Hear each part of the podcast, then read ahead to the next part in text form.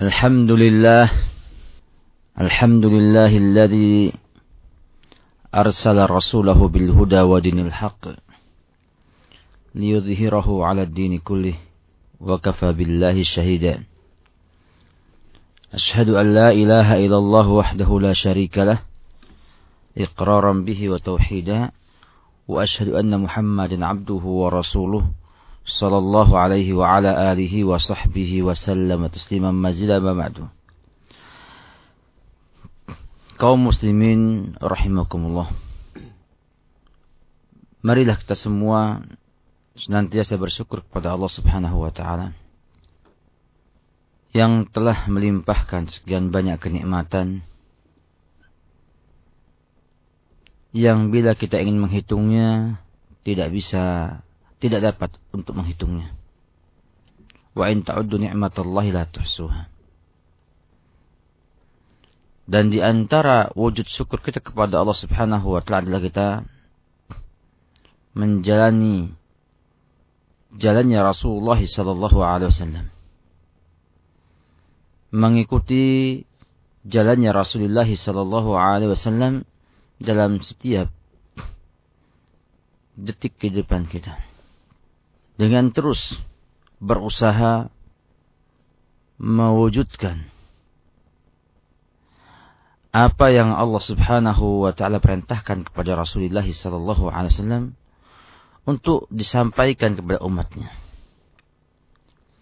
Dalam firman-Nya, "Qul hadhihi sabili ad'u ila Allah ala basiratin ana wa man ittaba'ani fasubhanallah wa ma ana minal musyrikin." Katakanlah, ini Allah katakan kepada Rasulullah sallallahu alaihi wasallam. Inilah jalanku. Ya aku berdakwah kepada Allah Subhanahu wa taala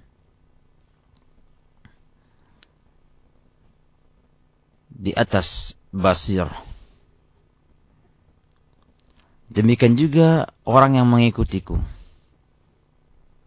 maka maha suci Allah dan kami dan saya bukan termasuk orang-orang yang musyrik. Demikianlah firman Allah Subhanahu wa taala disampaikan kepada kita semua. Dan kita coba insyaallah pada hari ini mencoba untuk mengupas sedikit daripada kandungan ayat yang mulia ini. Dikatakan di sana qul hadhihi sabili. Katakanlah ini jalanku. Inilah jalanku. Hadhihi sabili. Inilah jalanku artinya inilah jalan yang lurus. Sebab dalam lain dikatakan inna hadhihi inna hada sirati mustaqim. Inna hada sirati. Inilah jalanku yang lurus fattabi'uhu. Ikutilah jalanku tersebut. Hadhihi sabili. Ad'u ila Allah ala basiratin. Yang aku berdakwah kepada Allah. Maksudnya adalah berdakwah mengajak manusia untuk menjalankan semua perintah Allah dan menjauhi larangannya. Dan inilah makna dakwah yang sesungguhnya yang dakwahnya bukan kepada Allah, bukan mengajak kaum muslimin untuk kembali mengenal perintah dan larangan Allah Subhanahu wa taala dan mengajak mereka untuk mengamalkan semua perintah dan larangan Allah ini bukanlah dakwah ilallah subhanahu wa ta'ala. Sini menunjukkan bahwa dakwah itu akan diterima oleh Allah Subhanahu wa taala bila ia itu berdakwahnya dengan ikhlas.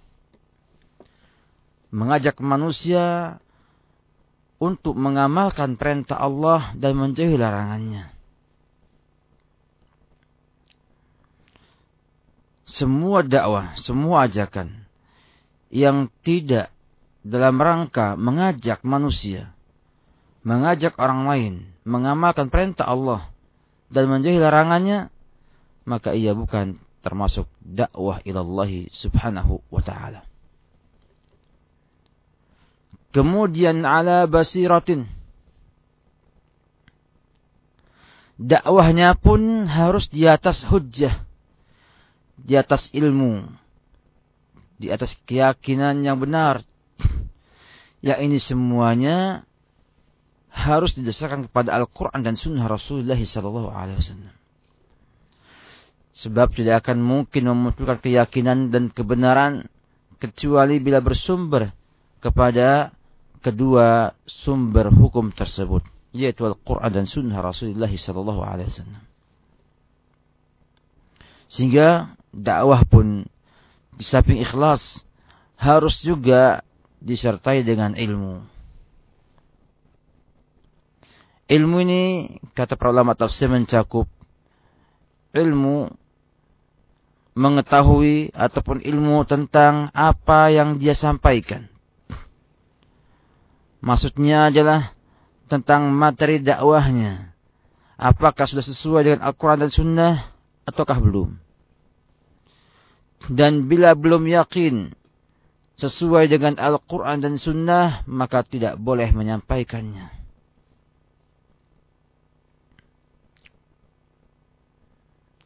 Ala basiratin. Yang kedua, ilmu tentang ahwalul mukhatabin, keadaan audiensnya, keadaan para mad'unya, keadaan siapa yang didakwahi.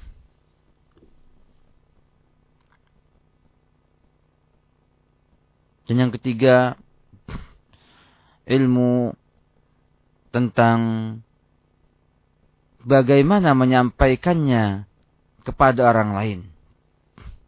Sehingga makna ad'u ilallahi ala basiratin betul-betul kita itu dalam berdakwah menyampaikan kebenaran dengan cara yang benar sesuai dengan keadaan para mat'u yang ada tersebut. Ada sebagian orang yang bisa dengan hikmah, dengan lemah lembut, akan sadar. Maka ambillah lemah lembut. Dan terkadang harus dengan mawa'idatul hasanah. Dengan disampaikan tentang neraka dan surga. Dengan terhib wa terhib dalam rangka supaya hatinya itu kembali ingat kepada Allah baru kemudian didakwahi. Ada yang harus dengan jidal dengan debat namun billatihi ahsan dengan yang terbaik yang bisa dilakukan dan terkadang harus dibiarkan. Sehingga tidak boleh seorang itu berdakwah melampau ilmunya Ana wa manittaba'ani. Aku dan orang yang mengikutiku.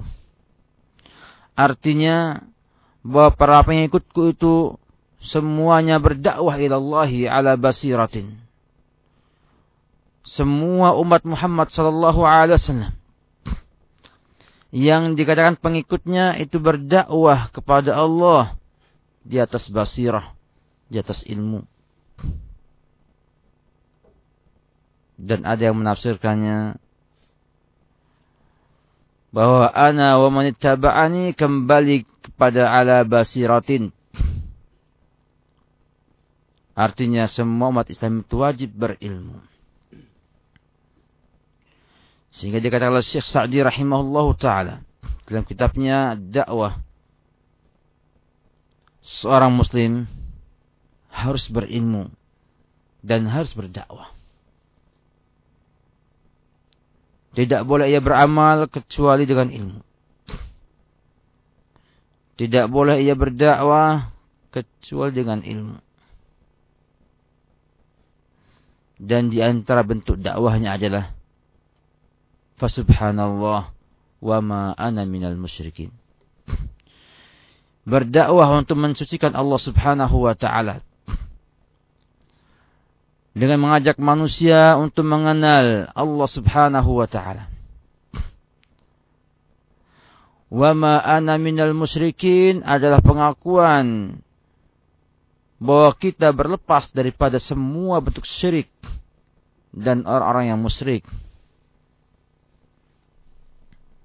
Sehingga dakwah ilallahi ala basirat adalah dakwah kepada tauhid kepada Allah Subhanahu wa taala dengan semua tuntutan dan konsekuensinya ya, sehingga manhajnya Rasulullah SAW adalah berdakwah mengajak manusia untuk meninggikan kalimatullah la ilaha illallah dan mewujudkan syahadat anna Muhammadan abduhu wa rasuluh.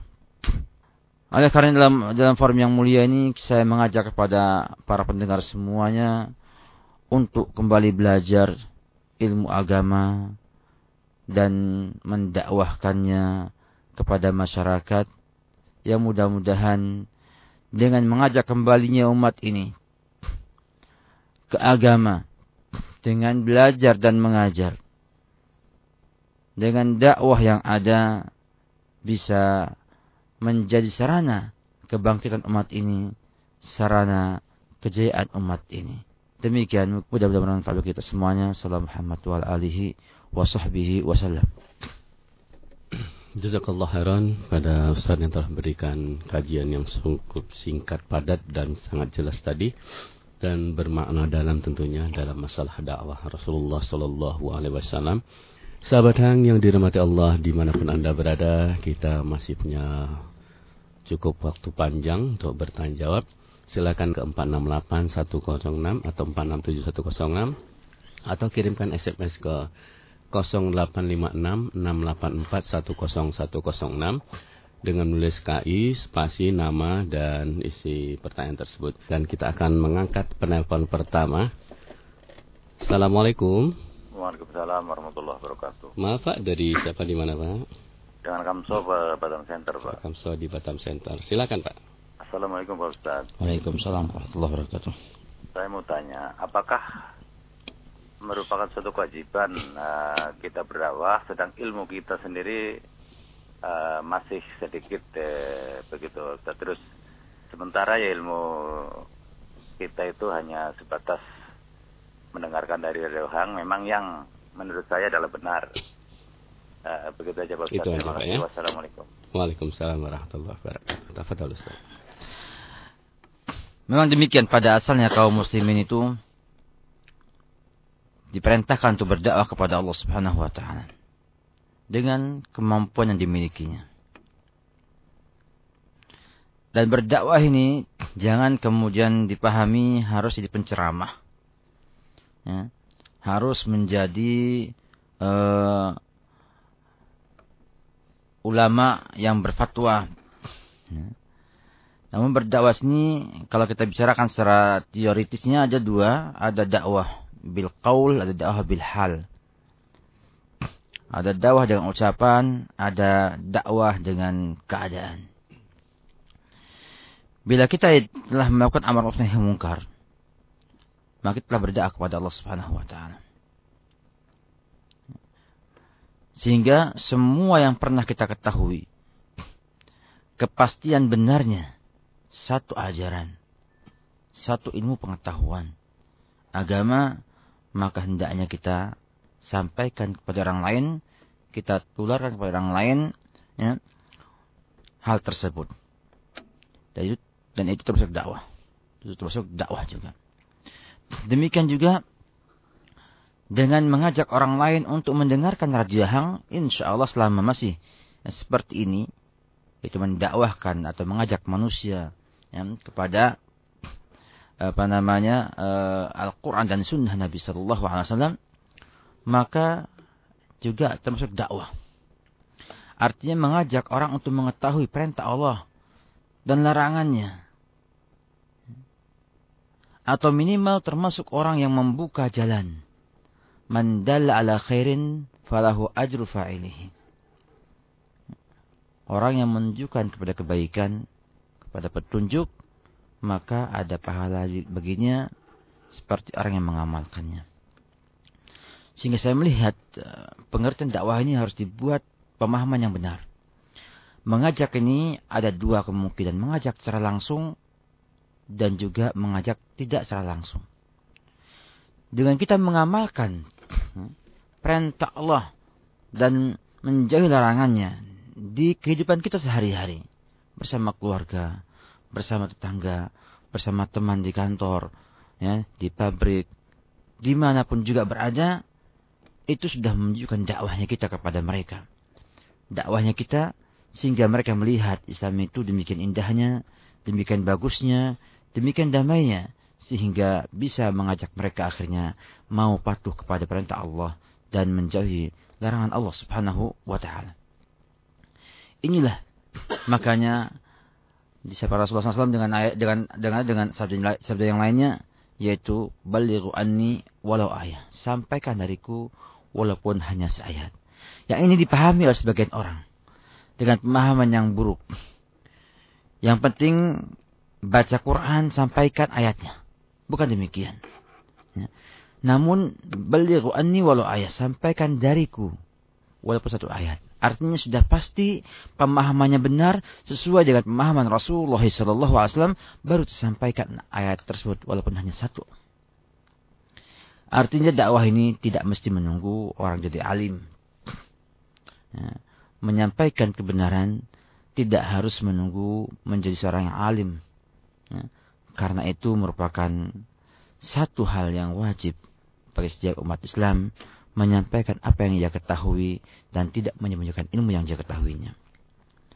Namun tentunya untuk menjadi juru dakwah ya, yang kemudian tasedur atau maju ke depan ya, maju ke depan menangani permasalahan umat tidak boleh kecuali orang yang memiliki ilmu yang mumpuni dalam hal ini. Wallahu taala alam.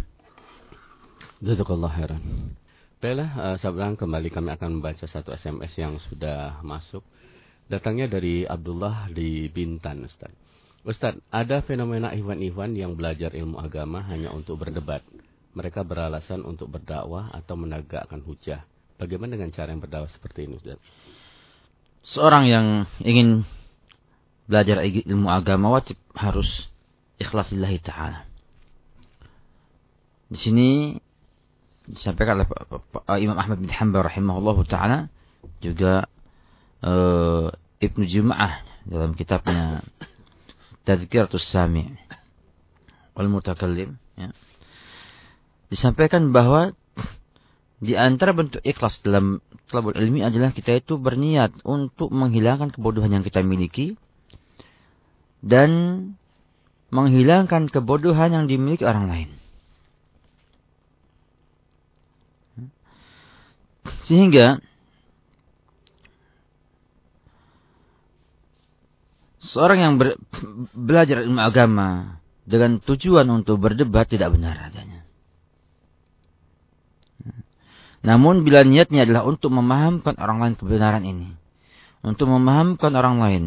Agar bisa menghilangkan kebodohan yang dimilikinya. Maka ia masih termasuk ikhlas. Karena terkadang untuk menjelaskan kebenaran itu dibutuhkan adanya debat yang baik. Debat yang baik. Oleh karena itu. Bila maksud adalah mereka yang biasa mengkaji agama dengan debat dan debat. Sehingga mereka lupa dengan ibadah. Tidak serius dalam ibadah. Hidupnya hanya untuk jidal. Maka ada larangan kita memperbanyak jidal. Memperbanyak debat yang tidak karuan. Bila ingin adalah sekelompok pemuda yang punya semangat untuk menyampaikan Islam. Dan siap untuk berdebat bagi mereka yang memiliki syubhat, memiliki apa namanya uh, sesuatu yang dianggap ilmu oleh mereka dalam rangka untuk menghilangkan syubhat tersebut dalam rangka untuk memahamkan orang tersebut tentang Islam yang benar maka ini adalah baik wallahu taala alam kembali sahabat hang kita menerima beberapa telepon. Kita angkat kembali yang satu ini. Assalamualaikum. Waalaikumsalam warahmatullahi Maaf Pak, dari siapa di mana Pak? Uh, dengan Ceki di Batam Center. Pak Ceki di Batam Center. Silakan Pak. Ya. Oke, Assalamualaikum Pak Ustaz. Waalaikumsalam warahmatullahi wabarakatuh. Uh, saya punya pertanyaan sekaligus ingin meminta nasihat untuk Pak Ustaz ya. Silakan. Uh, bagaimana caranya mendakwahi adik yang ingin menikah dengan orang non muslim gitu Pak Ustaz. Hmm, Terlebih itu. lagi dia warga negara asing. Hmm. Adiknya put putri atau putra Pak? Putri Pak. Putri. Hmm. Iya. So, uh, se se se sementara ini saya udah coba dengan cara yang lembut. Cuman terakhir kemarin saya bicara sama dia agak sedikit keras. Saya bilang sekarang pilih mana antara saya atau agama kamu. Jadi kalau misalkan kamu memilih dia, uh, saya berlepas diri gitu. Apa tindakan saya betul kalau saya berlepas diri kepada adik saya? Dan terus saya minta nasihat untuk bagaimana cara menghadapi untuk laki-laki kufar ini yang bersama uh, adik saya ini karena setelah saya bilang kalau kamu mencintai adik saya uh, lebih baik uh, menikahi dia secara Islam atau tinggalkan dia. Tetapi dia malah uh, seperti menyerang saya dengan alasan ya karena pemikiran kita dengan mereka kan beda Pak Ustadz ya. Iya. Dia bilang ham atau apa malah dia mau menuntut saya balik gitu. Jadi uh, menurut Pak Ustadz nasihat yang baik untuk saya seperti apa untuk melawan laki-laki kufar. Itu aja Pak ya. Iya. iya. Assalamualaikum warahmatullahi wabarakatuh. Waalaikumsalam warahmatullahi wabarakatuh.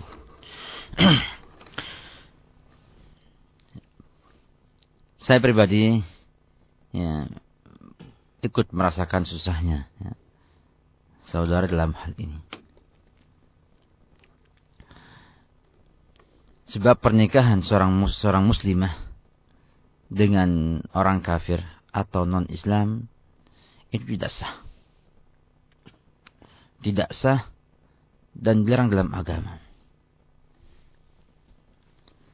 Sehingga bila ada yang menuntut hal itu dengan kata-kata ham dan ham, maka kita pun punya undang-undang yang melindungi orang untuk mengamalkan agamanya. Itu undang-undang negara yang diakui oleh pemerintah sendiri. Dalam Undang-Undang Dasar 45 dan yang lain-lainnya. Dan Islam tegas sekali. Tidak membolehkan menikahkan wanita muslimah dengan non-Islam. Oleh karena itu, bila sampai ada seorang wanita kemudian terkena penyakit asmara atau kasmaran dengan laki-laki yang non-muslim, maka kita sebagai saudaranya wajib melarangnya wajib menjelaskan kepada dia hukum Islam di sana. Dan menyampaikan juga kepada mereka bahayanya menikah dengan orang yang di luar Islam. Yang pertama adalah melanggar larangan Allah Subhanahu wa taala. Dan cukuplah ini sebagai sebab ya, yang membuat orang akan sengsara dunia atau akhirat nantinya. Dan sampaikan juga pada kepada dia bahwa orang yang menikah, perempuan yang menikah dengan laki non muslim yakinlah mereka akan ingin orang itu akan ingin perempuan itu mengikuti laki-laki. Atau minimal akan mengganggu ibadahnya akan membuat dia sibuk. Hmm, dengan sesuatu yang merusak ibadahnya merusak akidahnya dan merusak akhlaknya. Oleh karena itu sebaiknya langkah-langkah yang perlu di, di, dilakukan oleh saudara adalah pertama menjelaskan hukum itu kepada adik. Dan menyampaikan bahwa kita adalah seorang muslim, seorang muslimah harus berusaha untuk mengamalkan perintah Allah Subhanahu wa taala dan menjauhi larangannya. Yang kedua, mengajak keluarga besar ya, untuk mendukung upaya menggagalkan hal tersebut. menggagalkan hal tersebut dengan tentunya bisa melibatkan kan para ulama, para dai ya, untuk menjelaskan hal ini. Sebab perempuan tersebut atau adik saudara tersebut mungkin belum mengerti hukum Islam tentang hal itu. Atau mungkin dia tidak sama sekali mengenal Islam. Sehingga tugasnya kita adalah mendakwahinya. Ya. Dan mengajaknya dan melarangnya bersama keluarga yang ada. Tentunya juga jangan lupa mendoakan hidayah kepadanya.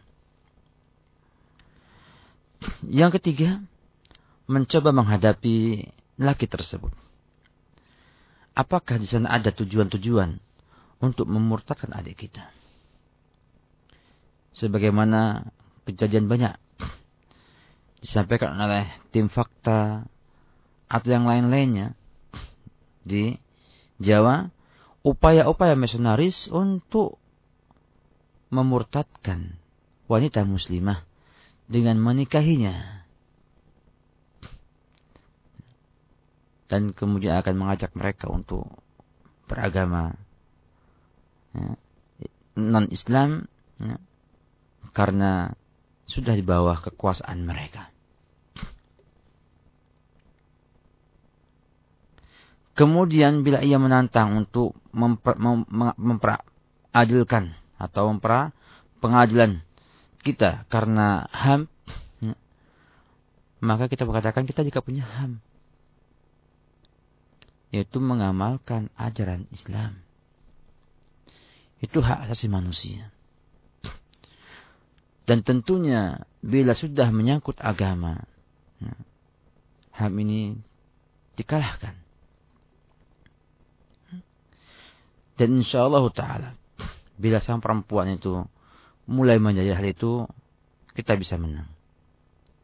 Cuma masalahnya adalah bila sang perempuan juga tidak mungkin lagi mau menerima omongan kita. Maka carilah orang lain.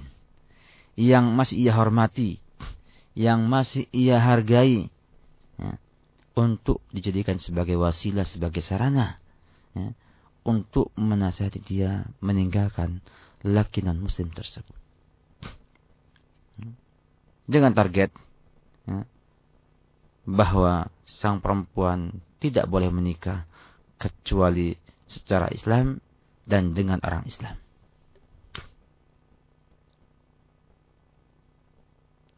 Dan saya rasa saudara lebih paham daripada saya tentang karakter kemudian juga siapa yang bisa memberikan nasihat kepada dia sehingga nantinya upaya ini terus dijalani.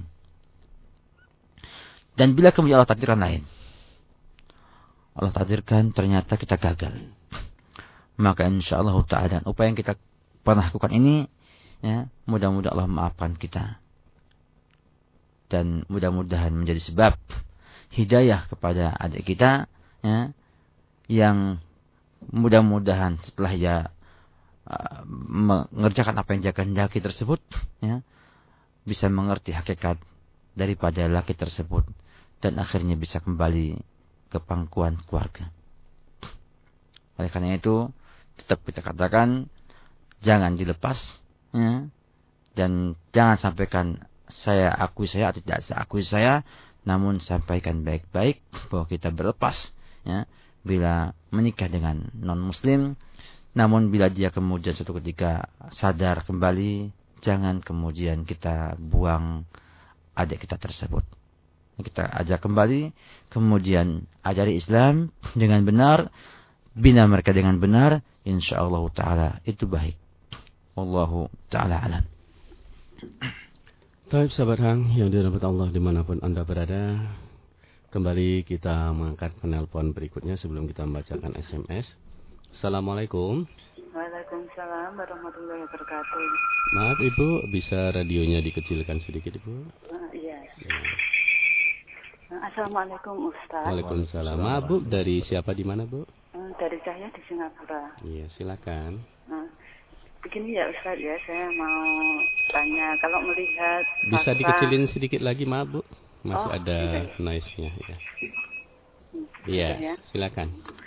Begini, kalau saya lihat eh, banyak fakta ya di Indonesia itu, eh, orang itu masih belum bisa apa menerima syariat poligami.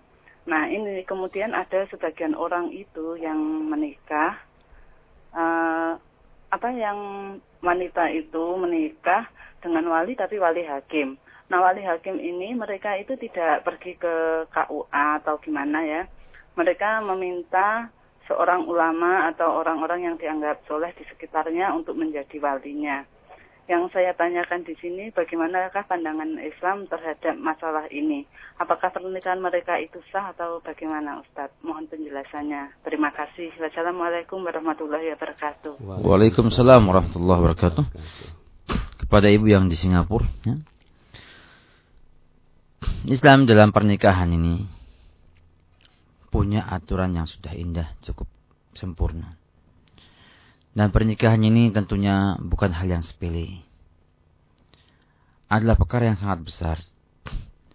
Karena memiliki pengaruh yang sangat besar dalam kehidupan kita sehari-hari nantinya. Bila pernikahan sah, punya konsekuensi. Dan bila nggak sah, punya dampak negatif yang sangat banyak sekali.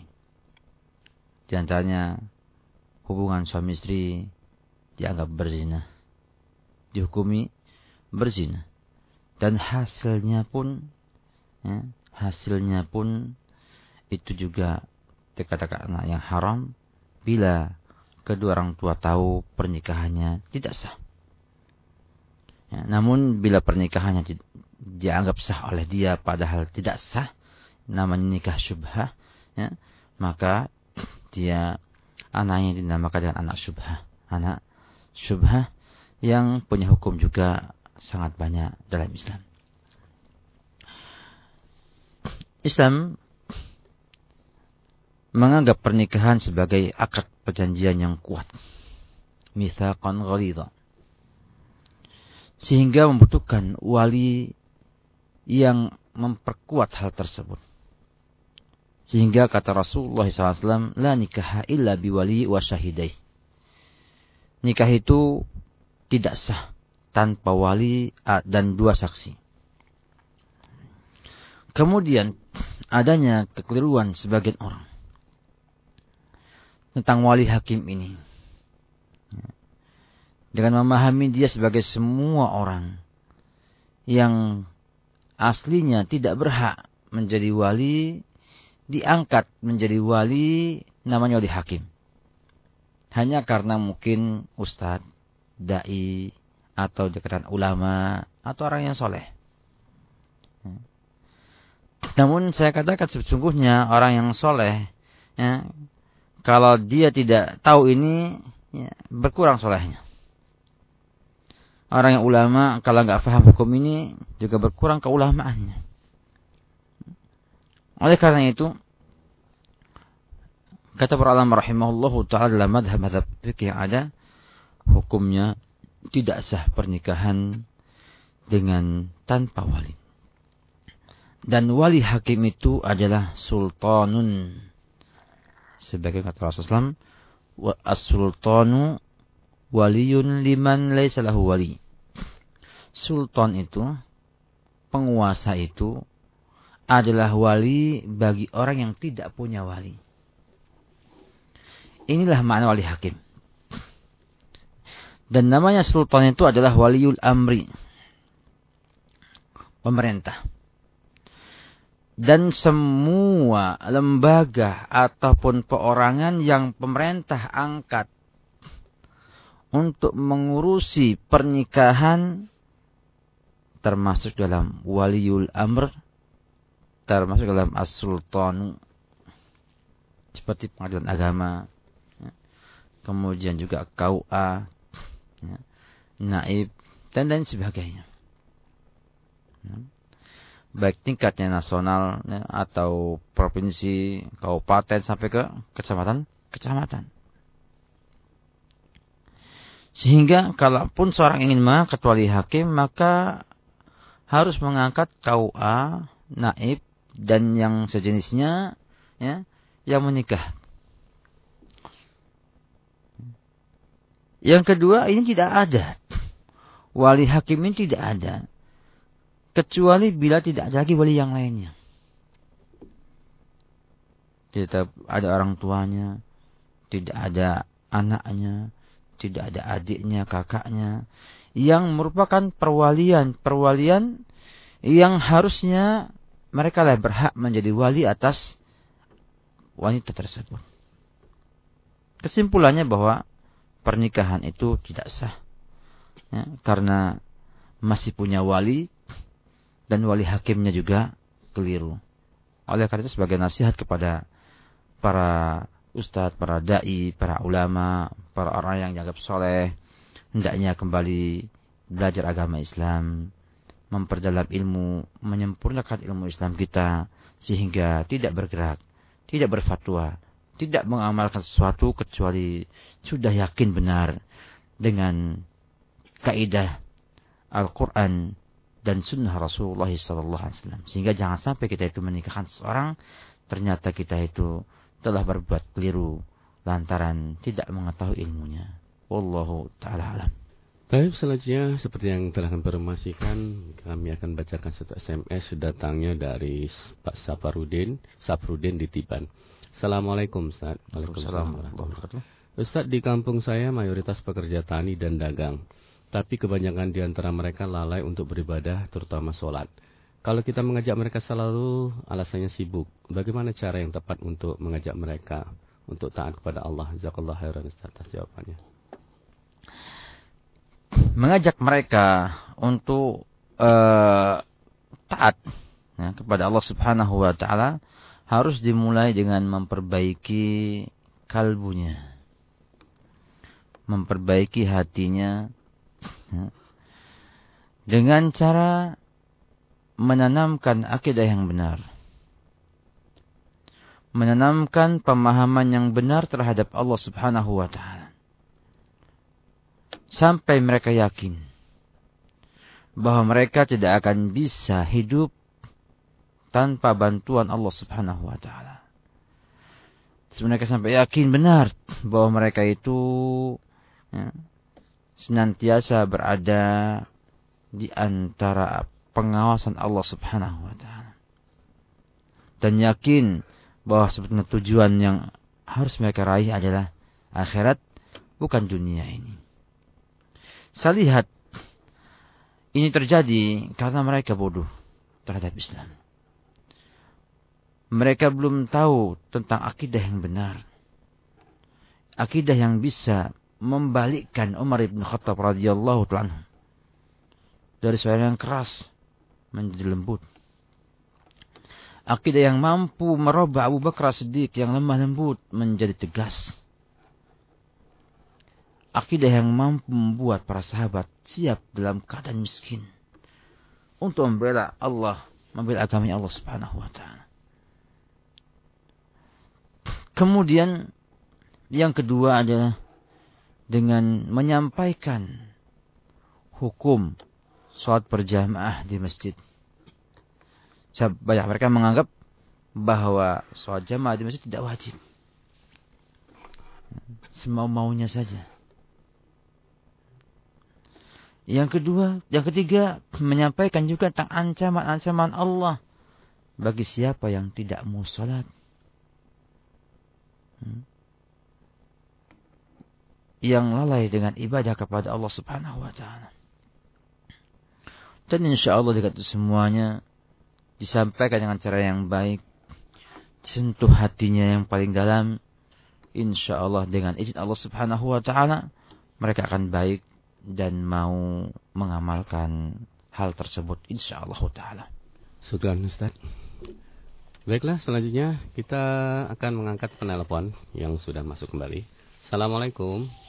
Waalaikumsalam. Maaf Pak, dari siapa di mana Pak? Uh, dari Hadi di Batam Center Pak. Di di Batam Center, silakan. Uh, ini Ustaz, saya mau nanya ini. Bukan bertujuan saya membuka aib saya sendiri Ustaz, tapi saya mau minta nasihat dari Ustaz atau penjelasan. Saya sebagai seorang laki-laki saya bertanggung jawab dengan seorang istri dan anak. Dan saya telah melakukan hal yang sangat apa sangat fatal sekali dalam Islam Ustaz, yaitu melakukan dosa yang sangat besar. Uh, begini Ustaz, saya telah menikah di luar apa menikah tapi setelah anak uh, istri saya itu adalah melahirkan anak di luar nikah gitu Ustaz. Hmm. Jadi sekarang anak itu udah besar, udah umur sekitar enam tahun, dan saya baru mengetahui hal-hal tentang Islam, hukum-hukum Islam yang sebenarnya bahwa perbuatan zina itu adalah dosa yang sangat besar. Dan saya akan meluruskan hal ini kepada istri saya bahwa anak ini tidak boleh dipinkan atas nama bapaknya. Uh, karena suatu saat nanti kalau pernikahannya nanti kalau sudah menginjak pernikahan maka anak ini pernikahannya tidak sah gitu. Tapi keluarga ini begitu keras, tidak mau bisa menerima kenyataan ini tentang hukum-hukum yang sebenarnya, Ustaz. Jadi apa yang harus saya lakukan, Ustaz? Itu saja, Ustaz. Assalamualaikum. Waalaikumsalam warahmatullahi Waalaikumsalam warahmatullahi wabarakatuh. Demikian para pendengar sekalian bagaimana akibat buruk, dampak buruk daripada perbuatan maksiat.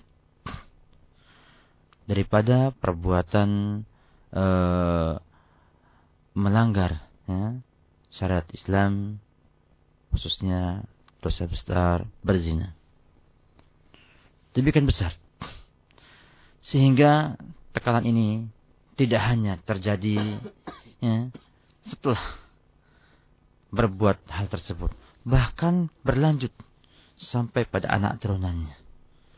Oleh karena itu, sebagai pelajaran kepada ya, penanya dan juga kepada yang lain-lainnya bahwa ternyata kebodohan terkadang membawa bencana kepada yang mungkin di awalnya kita ketahui. Berbuat maksiat karena kebodohan. Dan insya Allah dengan taubatnya saudara, mudah-mudahan Allah subhanahu wa ta'ala menerimanya dan bisa kemudian menjadi sebab saudara untuk bisa masuk dalam surganya Allah Subhanahu wa taala. Tentang anak tersebut jelas. Sebagaimana telah Anda ketahui, statusnya bukan anak Anda yang resmi. Dia harus kita akui adalah akibat ya, kesalahan orang tua. Namun tetap dia itu adalah manusia yang tidak mewarisi dosa orang tuanya. Cuma Islam memberikan hukuman kepada orang tuanya untuk tidak menikahkannya. Tidak menikahkannya. Sehingga bapaknya tidak berhak untuk menikahkan anak tersebut. Anak tersebut bisa menikah. Misalnya dengan bantuan wali hakim atau pemerintah. Dan pernikahan tetap sah pernikahan dia tetap sah. Anak tersebut kalau menikah maka sah pernikahannya. Dan pernikahan saudara yang dilakukan setelah kecelakaan, setelah kecelakaan tersebut, insya Allah juga sah pernikahannya. Namun hendaknya saudara mengajak istri itu bertobat dan berusaha untuk memperbanyak amal soleh Dengan sedekah, dengan istighfar, dengan taubat, dengan semua amal-amal kebaikan, termasuk juga membina anak tersebut dengan agama. Membina anak tersebut dengan agama. Sehingga anak itu bisa mengerti agama. Dan nanti bisa tidak kaget bila menerima keadaan bahwa dia ternyata anak yang lahir dari di luar pernikahan dan mengerti kedudukan dia sebagai seorang muslimah yang kebetulan Allah takdirkan dengan ujian dan cobaan seperti itu. Kemudian juga harus saudara kerjakan adalah ya, belajar kembali Islam dan mengajak sang istri untuk kembali belajar Islam dan mengajak keluarga untuk belajar Islam. Oke lah sekarang mungkin keluarga putri tidak terima. Maka ada upaya dari saudara untuk berusaha bagaimana mereka mau mengenal Islam dan akhirnya menerima musibah tersebut. Dan kemudian mau bersama-sama membina sang anak menjadi anak yang soleh. Sehingga nantinya saudara tidak akan tertimpa tekanan mental yang lebih. Demikian juga sang anak bisa tahan dan tabah dengan musibah yang menimpa dia yang dia tidak pernah tahu dan tidak pernah mau dan juga tidak pernah terpikirkan kalau ia lahir seperti itu.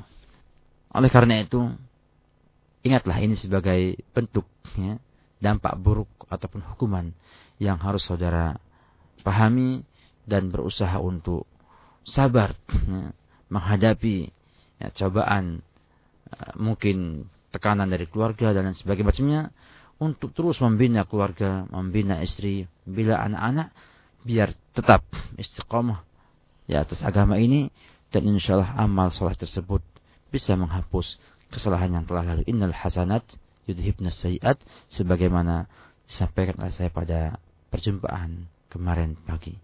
Wallahu taala alam.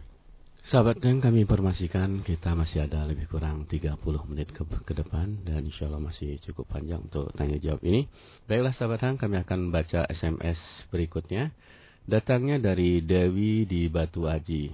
Assalamualaikum Ustaz. Waalaikumsalam warahmatullahi wabarakatuh. Orang yang ingin berdakwah akan tetapi dia takut akan sikap riak yang bisa menjerumuskan dia ke neraka karena setan selalu berusaha berusaha menik, uh, merusak niatnya Ustaz. Bagaimana dia harus bersikap, Ustaz? Sikapnya adalah berdakwah dengan ikhlas. Berdakwah dengan ikhlas. Dan berusaha untuk belajar apa itu ikhlas. Agar supaya was-was syaitan tidak membuatnya malah meninggalkan amal soleh. Bisa dibayangkan bila seorang itu akan beramal soleh kemudian takut ria. Saya nanti kalau beramal soleh saya takut ria. Kemudian tidak beramal soleh.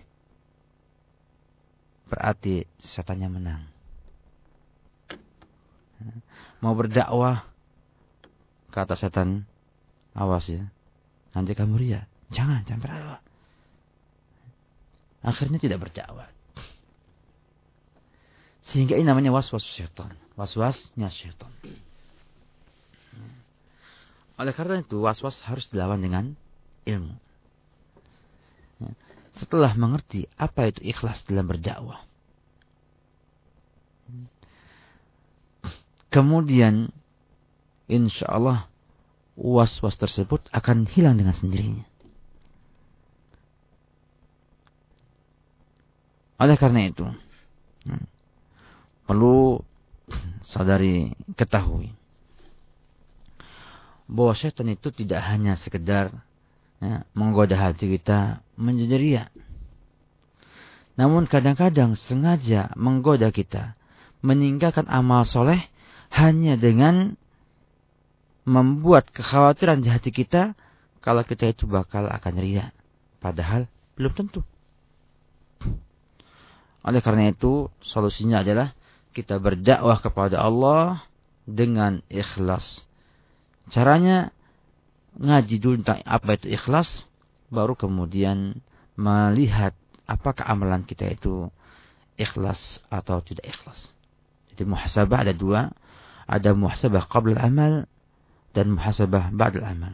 Muhasabah introspeksi itu itu evaluasi itu sebelum kita beramal kita evaluasi bahwa saya harus ikhlas. Demikian ikhlas itu saya akan amalkan itu. Kemudian setelah beramal, lihat kembali. Sesuai nggak teori yang kita miliki dengan kenyataannya ada. Bila sama, insya Allah ikhlas. Hmm. Oleh karena itu, nasihat saya jangan meninggalkan dakwah hanya karena syubhat, hanya karena dugaan akan ria. Berdakwah dan berdakwah. Hmm. Insya Allah, kalau yang kita dakwah itu benar, kalau yang kita dakwah itu adalah kebenaran, insya Allah ya, itu nanti akan bisa membuat kita ikhlas. Walaupun pada awalnya mungkin ragu-ragu tentang keikhlasan dan berdakwah tersebut. Sebagaimana kita lihat kisahnya Al-Ghazali, Muhammad Muhammad Al-Ghazali. Ya. Yang dia kata dia, saya pertama kali belajar ilmu hanya karena dunia. Tapi ilmu itu enggan. Kecuali saya harus ikhlas pada Allah Subhanahu wa taala. Sehingga akhirnya dengan dia berilmu itulah terus jadi ikhlas lillahi ta'ala. Oleh karena itu mulailah Ukti Dewi untuk berdakwah dan tinggalkan semua bisikan syaitan tersebut ya, terus berdakwah kemudian mencoba mengenal ikhlas sehingga dilihat apakah kita ikhlas ataupun tidak ikhlas wallahu taala alam Sahabat Han, selanjutnya kita mengangkat kembali penelpon yang sudah masuk. Assalamualaikum. Waalaikumsalam warahmatullahi Maaf Pak, dari siapa di mana Pak? Oke, saya Abu Muhammad dari Singapura. Silakan. Oke, uh, saya nak tanya tentang uh, nikah ya. Apa maksud gimana Pak? Maaf. Uh, tentang anak luar nikah. Anak luar nikah. Iya, silakan. Iya, okey. Mereka uh, anak itu dikira kepada bapanya anak yang tidak sah. Tetapi secara biologi dia adalah anak kepada bapanya. Kebanyakan orang dia uh, mengabaikan anak itu. Tidak kasih makan, tidak kasih pakaian, tidak kasih pelajaran. Walaupun uh, dia tidak layak untuk menikahkan anak itu dan tidak mewarisi harta anak itu ataupun anak itu tidak dapat mewarisi harta uh, bapa zina dia. Bagaimana kita nak mendidik orang-orang ini supaya bertanggungjawab terhadap uh, anak-anak uh, zina? Dan ke, soalan kedua ialah uh, tentang... Bisa satu saja Pak ya? Okey, Ya, cukup banyak yang ingin bertanya Mas. Itu aja Pak ya, silakan. Uh, terima kasih atas penjelasan yang ada. Memang terkadang ada fenomena seperti itu. Ya, bahwa karena merasa dia bukan dapat sah, maka ia tidak menafkahi anak tersebut.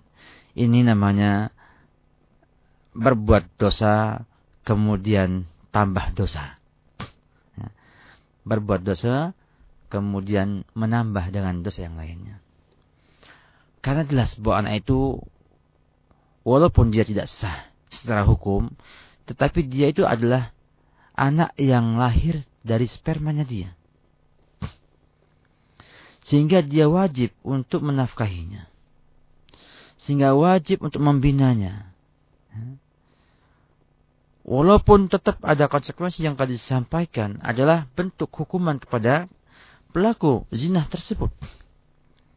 Sehingga bila ada orang yang berbuat demikian, kemudian mentelantarkan anaknya, membuangnya anak tersebut, kemudian tidak mau membiayainya, tidak mau membinanya, tidak mau mendidiknya, maka ia telah berbuat dosa dan tambah dosa lagi yang lainnya.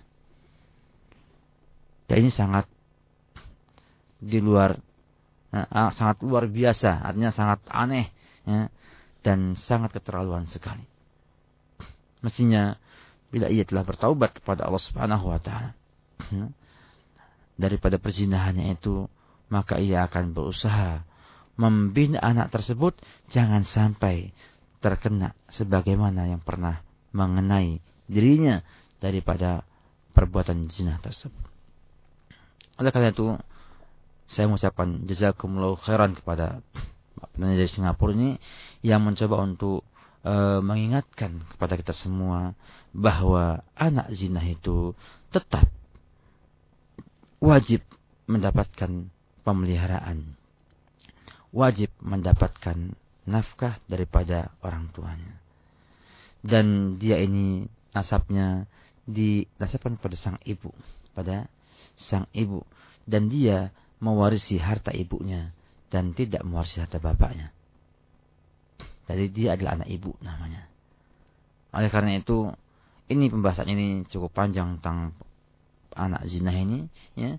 Ada dalam pembahasan yang cukup ya, detail. Mudah-mudahan di lain waktu kita bisa membahas tentang hukum-hukum anak zina ini karena banyak tersebar di negara kita ini juga negara tetangga kita Singapura atau Malaysia sehingga perlu sekali ada pencerahan tentang hukum-hukum seputar anak zina ini sehingga jangan sampai kita berbuat dosa kemudian tambah lagi dengan dosa yang lainnya hanya akibat kita tidak mengenal hukum-hukum tentang anak zina ini wallahu taala alam Assalamualaikum. Waalaikumsalam, Ustaz. Maaf Pak, dari siapa di mana Pak? Saya Sani dari Woodland. Singapura Pak ya? Ya saya. Silakan, saya ingin ingin bertanya Bapak Ustaz. Silakan Pak. Ya. Uh, selalu bisanya bisa hari begini, hari Minggu begini kita ada undangan uh, walimah. Iya. Ya, dalam uh, dalam undangan itu menurut, menurut hukum adalah wajib dihadiri. Tapi dalam uh, keadaan yang uh, mana majlis itu bercampur aduk dengan uh, contohnya permainan kuda kepang yang yang yang si si si aksinya suka menurun-nurun. Jadi saya mengambil keputusan untuk tidak hadir. Adakah itu salah, Pak? Itu aja, Pak. Ya, ya. Ya. Terima kasih. Syukran. Assalamualaikum. Menghadiri undangan walimah termasuk hakul muslim ala muslim. Haknya muslim atas muslim lainnya dan hukumnya wajib. Demikianlah keterangan para ulama rahimahullah ta'ala. Namun kewajiban ini pun terbatas pada walimah-walimah yang di sana tidak ada kemungkaran, tidak ada perbuatan maksiat dan kemungkarannya.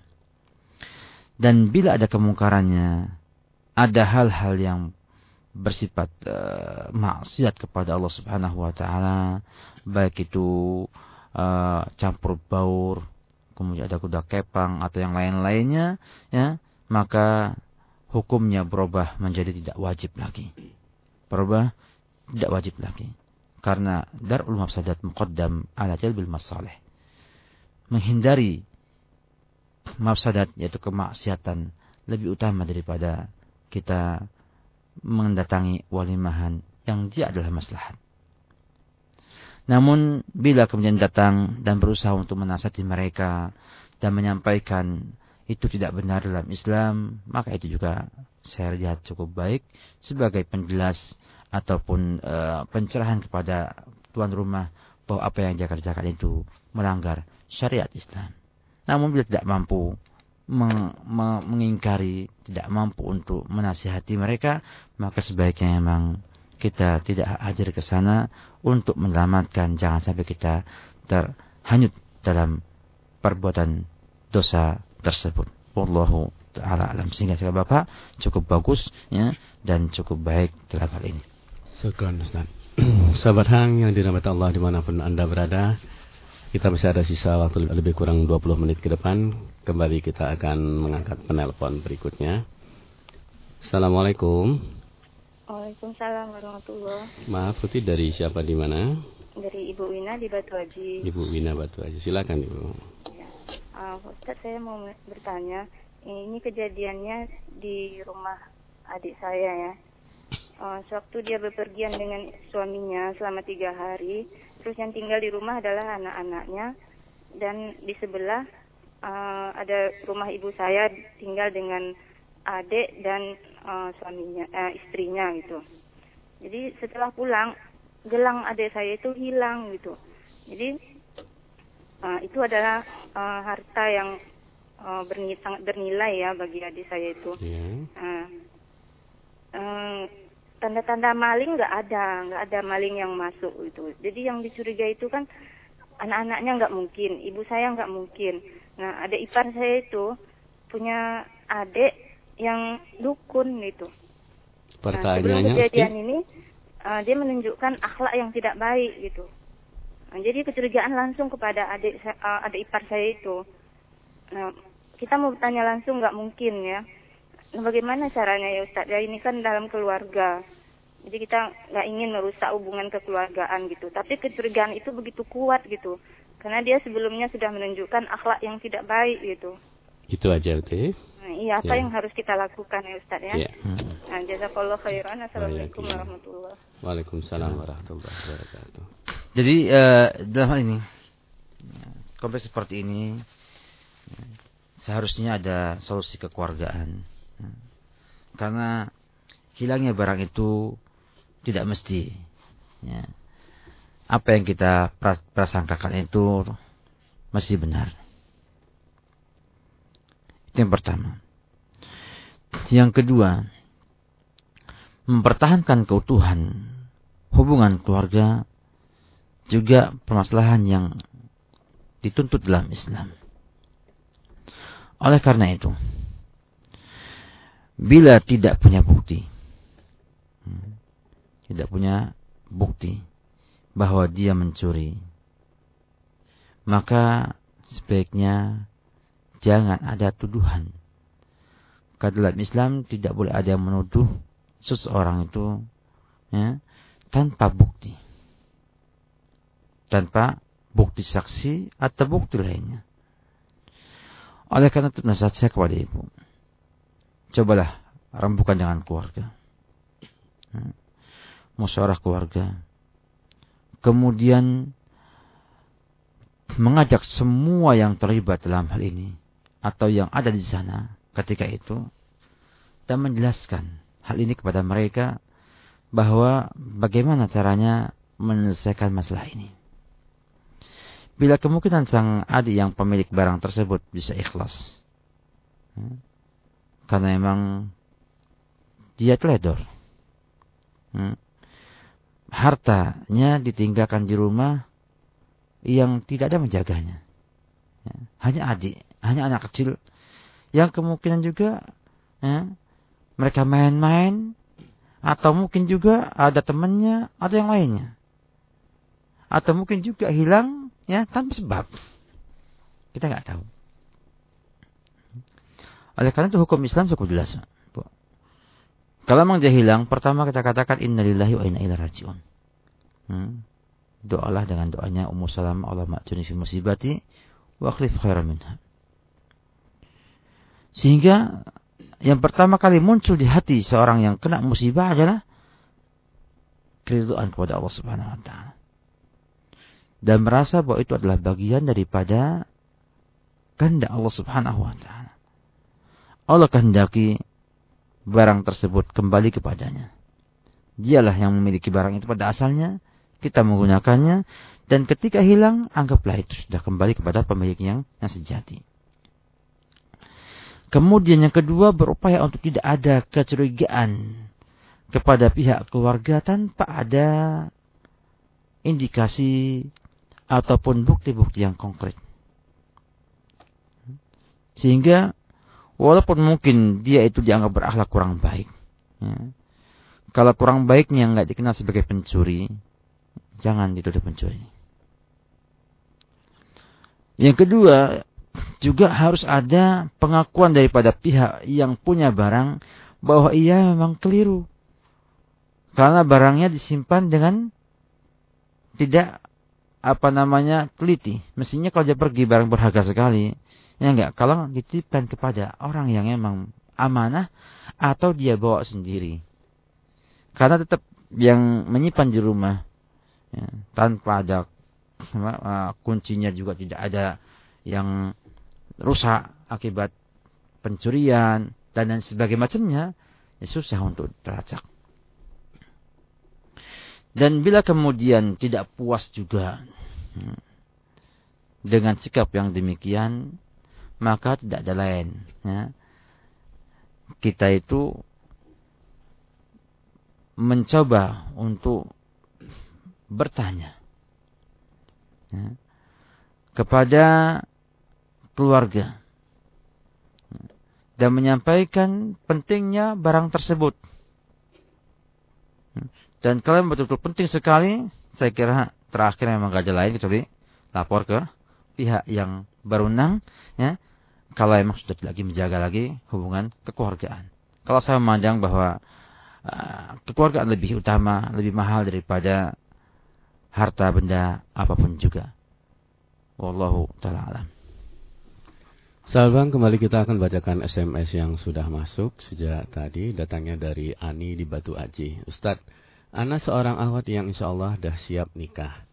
Tapi orang tua belum menyetujui dikarenakan anak-anak bungsu yang punya dua kakak yang belum nikah.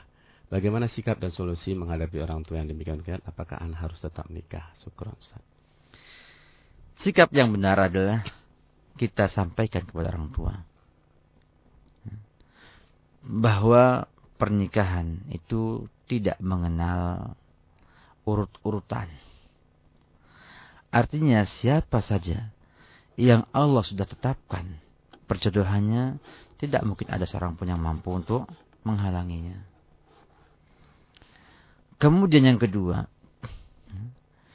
menyampaikan kepada Bapak bahwa perkara ini perkara yang penting bagi ukti ya, dan cukup mendesak. Artinya saya kalau nggak menikah berbahaya nantinya. Dan sudah ada orang yang mau melamar saya, misalnya.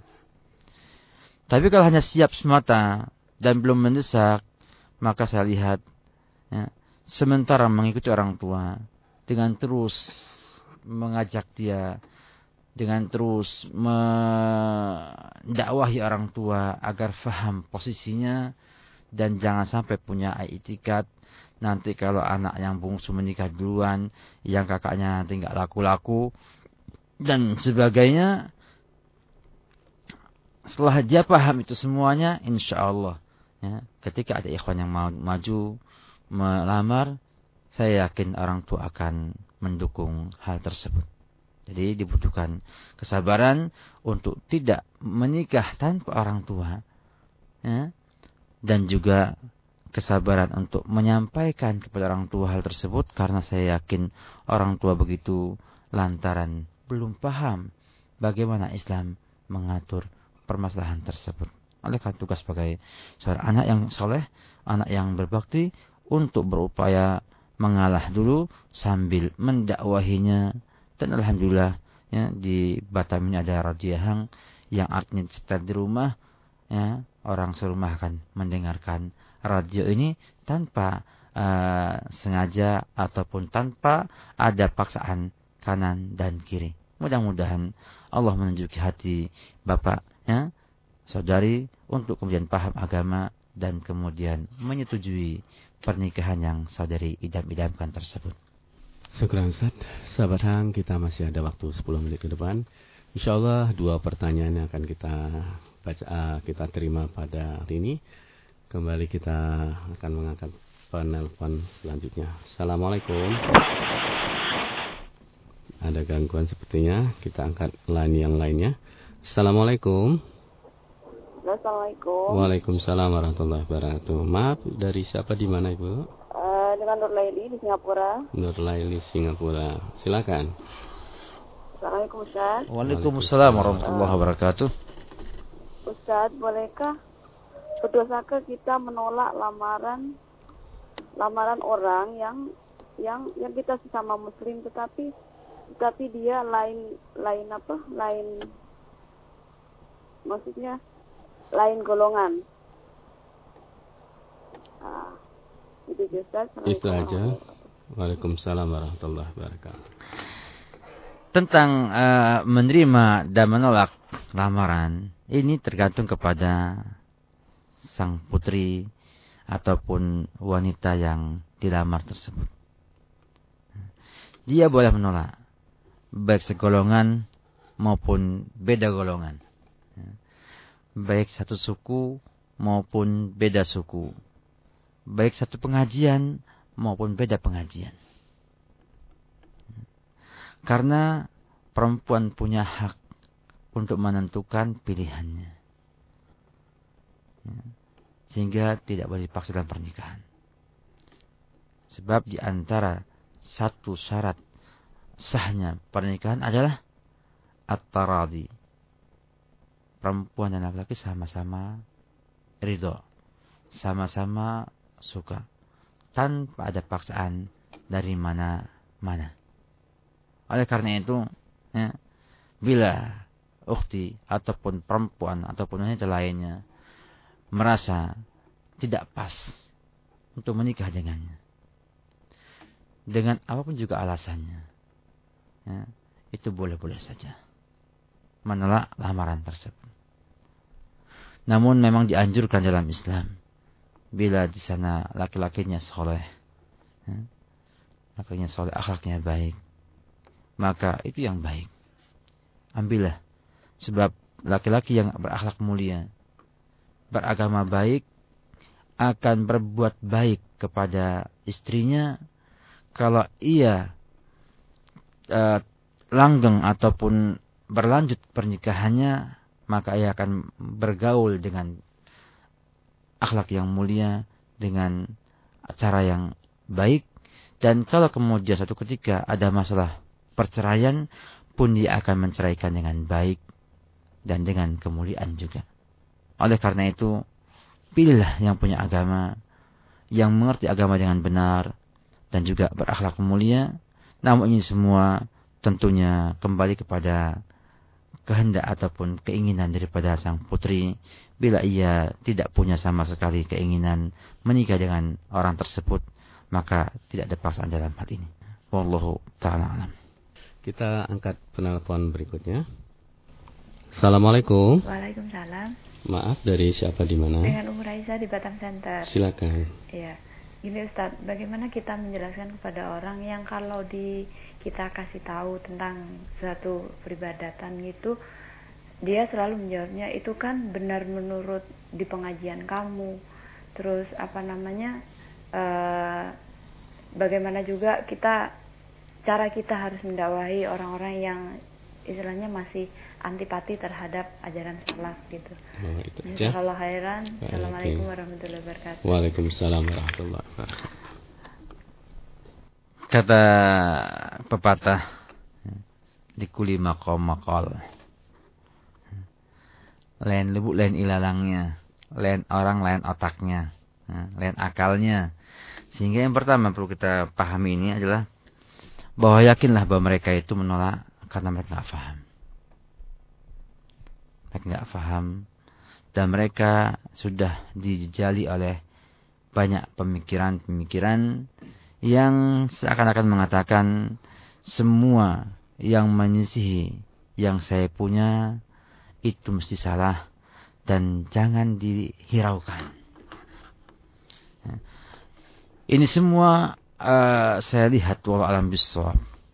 Ya. Harus dilakukan pendekatan yang lebih intensif dengan dakwah bilhal dengan dakwah yang bersifat mencontohkan amal soleh kepada dia. Juga mencari momen-momen yang tepat untuk melontarkan ungkapan-ungkapan yang nanti akan membuat dia berpikir kembali. Dan nanti akan muncul di benaknya, ya, kenapa saya tidak mau mendengarkan orang lain menyampaikan sesuatu yang belum pernah ia ketahui. Kalau saya katakan ada bahasa, bahasa saya adalah bahasa lempar batu kemudian pergi. Bukan sembunyi tangan. Ya. Artinya sampaikanlah kalimatul hak kepada dia. Sampaikan. Nerima Alhamdulillah. Enggak tinggal pergi. Mudah-mudahan dengan seringnya dia mendengar hmm, hal tersebut akan ada yang masuk ke hatinya. Sehingga membuat hatinya gundah gulana dan ingin mencari apakah benar itu. Hmm, mengapa kok dia demikian seriusnya? Mengapa dia sabar? Ditolak tetap ngomong. Ditolak tetap ngomong. Kalau sampai ini ada, ada di sana titik cahaya ya, di hatinya dan insya Allah lama kelamaan dia akan membesar, membesar dan membesar dan kemudian mau menerima sesuatu yang benar yang ada dalam Al-Quran dan Sunnah Rasulullah SAW. Karena dakwah ini dakwah yang betul-betul penuh rahmah, dakwah yang betul-betul mengajak orang untuk kembali mengamalkan perintah Allah dan menjauhi larangannya. Dakwah yang tegak di atas keikhlasan, tegak di atas ilmu, tegak di atas kesungguhan, dan tegak di atas tauhid. Di atas akidah yang benar. Oleh karena itu, kepada ukti dan juga yang lain-lainnya, pendengar rajahang yang yang Allah rahmati, ya, bahwa kesabaran dalam berdakwah satu hal yang mutlak. Terkadang kita harus ngomong berkali-kali. Kadang kita harus berdebat. Kadang kita harus menyampaikan kalimat, menyampaikan ucapan, kemudian kita meninggalkan orang yang kita sampaikan tersebut. Ada kisah sampaikan oleh banyak orang ya, bahwa mereka ya, bisa menerima sesuatu itu ketika orang yang menyampaikannya pergi. Banyak sekali. Ya. Yang cerita kepada kita, kepada saya, bahwa ia itu bisa menerima dakwah ini setelah yang nyampaikan pergi. Kalau ketika ada orang yang di debatnya, dan dia akan men, akan berusaha untuk menang, bagaimana saya harus menang dan mengalahkan dia. Namun ketika tinggal pergi, dia berpikir ulang di rumahnya. Kemudian berpikir lagi, berpikir dan akhirnya menerima dakwah ya tersebut setelah ada waktu waktu yang agak panjang sedikit. Demikian juga ya, banyak juga kisah orang yang mengikuti ajaran Islam yang tadinya nggak sholat menjadi sholat yang tadinya sholat di rumah menjadi berjamaah lima waktu di masjid hanya karena mendengarkan radio dan saya yakin di antara pendengar pun ada yang menerima uh, dakwah ini ya via radio. Kalau di pengajian nggak mau. Tapi ketika radio didengarkan oleh dia dan tidak ada yang mengajarinya, ya, nggak tampak siapa yang yang mengucapkannya, hatinya bisa tersentuh, hatinya bisa menerima oh ini benar adanya. Jadi demi kita lihat uh, kesabaran seorang dai, kesabaran seorang muslimah sangat dituntut dalam hal ini. Mudah-mudahan jawaban saya ini cukup uh, memberikan pencerahan dan mudah-mudahan kita semua dimudahkan mendapatkan ilmu yang manfaat amal yang soleh dan mudah-mudahan Allah satukan kita di atas ukhuwah imaniyah, di atas cinta karena Allah dan benci karena Allah, berkumpul karena Allah dan juga berpisah pun karena Allah Subhanahu wa taala. Mohon maaf atas segala kekurangan yang ada. Wassalamualaikum warahmatullahi wabarakatuh.